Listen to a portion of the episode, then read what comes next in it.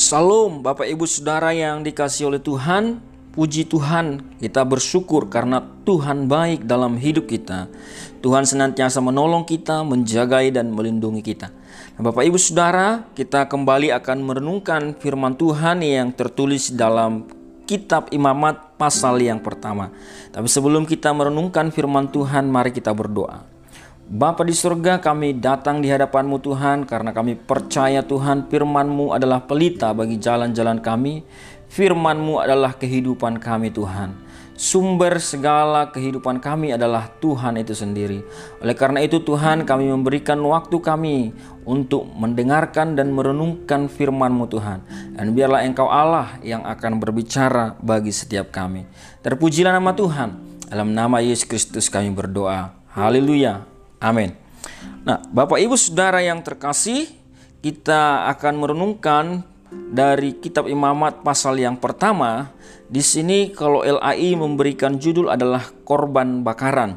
Nah, Bapak Ibu Saudara di sini berbicara mengenai korban atau persembahan yang harus diberikan kepada Allah yang diberikan sebagai korban bakaran atau korban untuk pendamaian pendamaian antara umat dengan Allah sehingga apa sehingga melalui persembahan itu melalui korban bakaran ini maka orang yang membawa korban itu didamaikan dengan Allah Bapak Ibu. Nah Bapak Ibu Saudara hal yang pertama yang menjadi perenungan kita adalah yang pertama Bapak Ibu Saudara di dalam ayat 2 dikatakan berbicaralah kepada orang Israel dan katakan kepada mereka Apabila seorang di antara kamu hendak mempersembahkan persembahan kepada Tuhan, haruslah persembahan yang kamu persembahkan itu dari ternak, yakni dari lembu sapi atau dari kambing domba. Nah, Bapak Ibu Saudara, dari hal ini ada satu prinsip yang dapat kita kutip Bapak Ibu Saudara yang dapat kita petik dari satu ayat ini di mana Bapak Ibu Saudara dikatakan haruslah persembahanmu itu haruslah persembahanmu itu. Bapak Ibu Saudara kata haruslah persembahanmu itu menunjukkan apa Bapak Ibu Saudara? Bahwa Allah mengatur, bahwa Allah mengatur apa yang harus dipersembahkan. Jadi persembahan kita Bapak Ibu Saudara harus sesuai dengan petunjuk Tuhan. Persembahan itu harus sesuai dengan aturan Tuhan. Persembahan yang kita persembahkan Bapak Ibu Saudara itu harus seperti yang Tuhan mau Bapak Ibu Saudara. Jadi bukan persembahan yang suka-suka kita, bukan persembahan yang asal-asalan, bukan persembahan yang penting persembahan, tetapi harus sesuai dengan arahan Tuhan. Artinya ada arahan Tuhan dalam memberi persembahan. Bapak Ibu Saudara itu yang pertama Bapak Ibu Saudara. Oleh karena itu ketika kita mempersembahkan, perhatikan arahan-arahan Tuhan dalam memberi persembahan Bapak Ibu Saudara. Nah kemudian yang kedua yang menjadi kebenaran yang menjadi renungan bagi kita Bapak Ibu Saudara. Di dalam ayat 3 dikatakan, jikalau persembahan merupakan korban bakaran dari lembu haruslah ia mempersembahkan seekor jantan yang tidak bercela.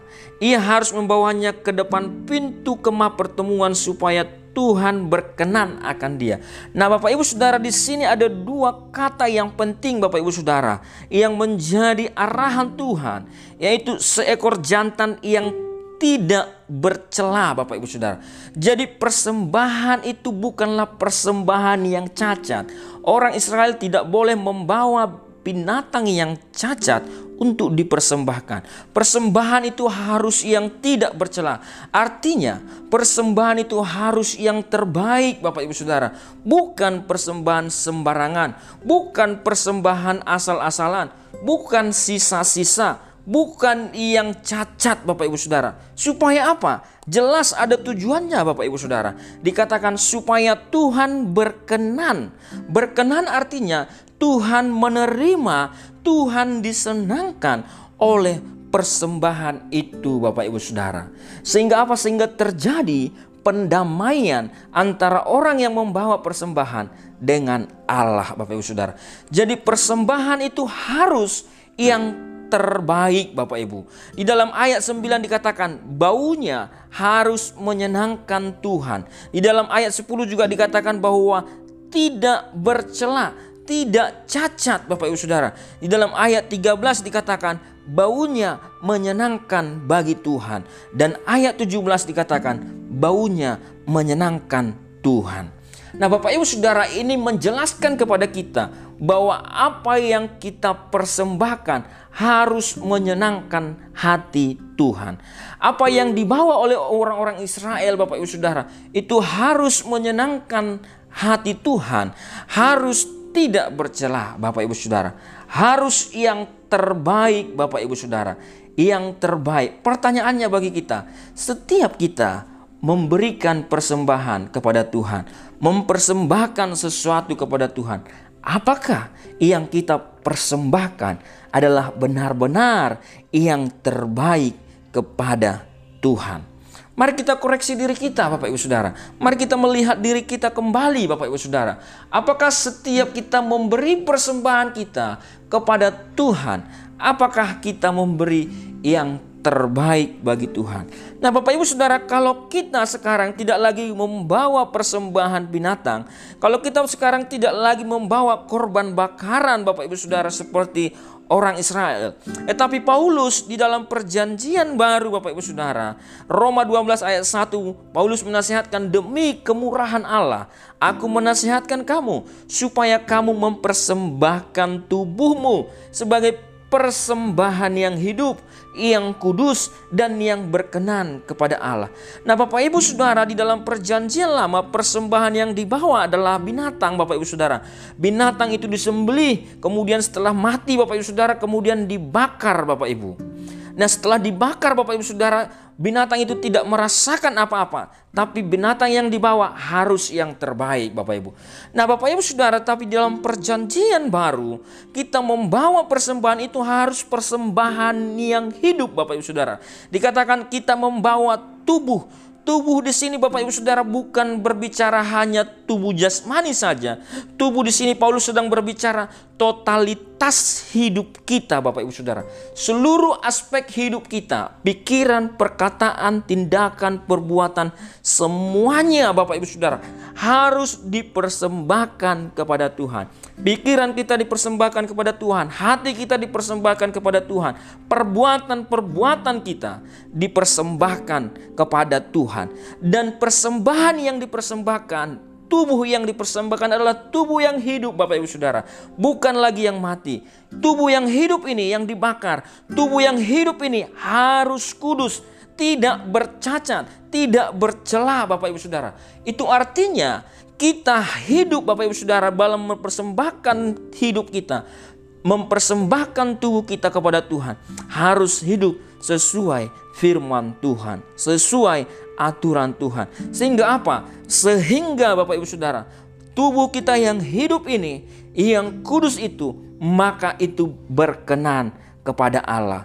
Karena kalau persembahan kita tidak berkenan kepada Allah, maka tidak ada artinya Bapak Ibu Saudara. Oleh karena itu Bapak Ibu Saudara, mari Bapak Ibu Saudara kita mempersembahkan yang terbaik Bapak Ibu Saudara. Persembahkanlah tubuhmu sebagai persembahan yang hidup. Sekarang Bapak Ibu Saudara, tubuh kita, totalitas hidup kita lah yang kita berikan kepada Tuhan. Jadi tujuan hidup kita bukan lagi tujuan kita, tetapi tujuan Allah. Kita tidak lagi mencari kemuliaan kita, tapi mencari kemuliaan Allah. Kita tidak lagi menghidupi keinginan-keinginan kita, tapi menghidupi keinginan Allah, Bapak Ibu Saudara. Itulah persembahan kita saat ini, Bapak Ibu Saudara. Itu yang kedua, Bapak Ibu.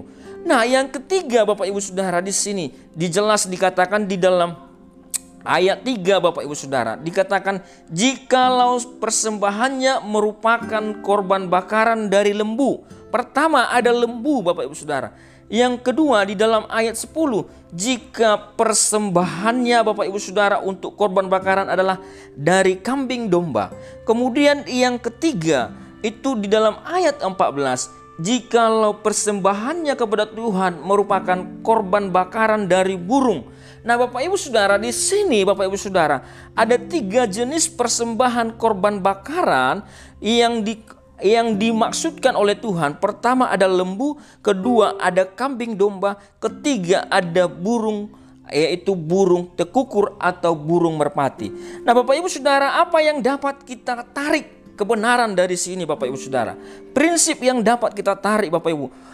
Ketika seseorang mempersembahkan korban kepada Tuhan, maka Bapak Ibu Saudara Tuhan tidak melihat besarannya Bapak Ibu Saudara. Jika ia mampu mempersembahkan lembu, silahkan dipersembahkan lembu. Jika ia mampu mempersembahkan kambing domba, silahkan mempersembahkan kambing domba. Jika ia hanya mampu Bapak Ibu Saudara mempersembahkan burung tekukur atau burung merpati, silahkan mempersembahkan burung tekukur atau burung merpati. Intinya Bapak Ibu Saudara, jenis persembahan sesuai dengan kemampuan yang dimiliki, Bapak Ibu Saudara. Artinya, Tuhan memberi ruang untuk orang-orang yang tidak mampu untuk memberikan yang terbaik kepada Tuhan.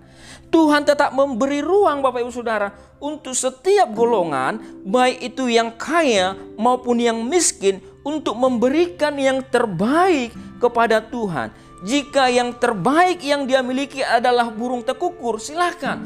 Tapi jika engkau mampu memberikan yang lebih besar, maka berikanlah kambing domba. Bahkan jika engkau lebih kaya lagi, lebih memiliki lagi, engkau memberikan lembu. Artinya Bapak Ibu Saudara, intinya adalah apakah yang kita persembahkan itu adalah yang terbaik Bapak Ibu Saudara. Apakah yang kita berikan kepada Tuhan itu yang terbaik? Tuhan tidak melihat besarannya, tapi Tuhan tahu mana yang terbaik. Hati kita yang terbaik Bapak Ibu Saudara. Tuhan tahu mana yang terbaik yang kita punya. Tuhan tahu Bapak Ibu Saudara, apakah persembahan yang kita bawa kepada Tuhan adalah yang terbaik. Tuhan menerima semua jenis persembahan. Tuhan melihat mengetahui kemampuan-kemampuan orang dalam memberi Bapak Ibu Saudara. Sehingga Tuhan memberi ruang Bapak Ibu Saudara. Bisa membawa lembu, bisa membawa kambing domba yang lebih murah, bahkan yang paling murah yaitu burung merpati dan burung tekukur. Tuhan memberi ruang untuk siapa saja memberikan ruang dan kesempatan untuk memberi yang terbaik yang dia punya kepada Tuhan. Kalau kita lihat di dalam perjanjian baru, janda miskin yang hanya mempersembahkan satu peser, dua peser saja Bapak Ibu. Tapi itulah yang dia punya, itulah yang terbaik yang dia punya. Dan itu menyenangkan hati Tuhan Bapak Ibu. Nah Bapak Ibu Saudara, mari kita menghidupi firman ini, renungan ini Bapak Ibu. Pertama adalah persembahan Bapak Ibu, itu ada arahan, ada petunjuk-petunjuk dari Tuhan. Yang kedua Bapak Ibu Saudara, persembahan itu harus yang terbaik, yang tidak bercela, yang berkenan kepada Tuhan yaitu hidup kita saat ini Bapak Ibu Saudara. Dan yang ketiga Bapak Ibu Saudara, Tuhan memberi ruang kepada siapa saja untuk memberikan yang terbaik yang kita miliki sesuai dengan kemampuan kita masing-masing. Mari Bapak Ibu Saudara, jika memang engkau nggak punya uang, tidak punya uang, tetapi engkau punya suara yang terbaik, pujilah Tuhan dengan suaramu. Jika memang engkau tidak punya uang, tidak punya suara, tapi engkau punya tenaga, berikan tenagamu untuk pelayanan, berikan tenagamu yang terbaik untuk melakukan firman Tuhan. Nah, Bapak Ibu Saudara, intinya apa yang ada dalam diri kita, yang terbaik dari kita, kita berikan kepada Tuhan. Terpujilah nama Tuhan Bapak Ibu Saudara. Kiranya renungan ini memberkati kita semua dan mengarahkan kita kepada Tuhan. Haleluya. Amin.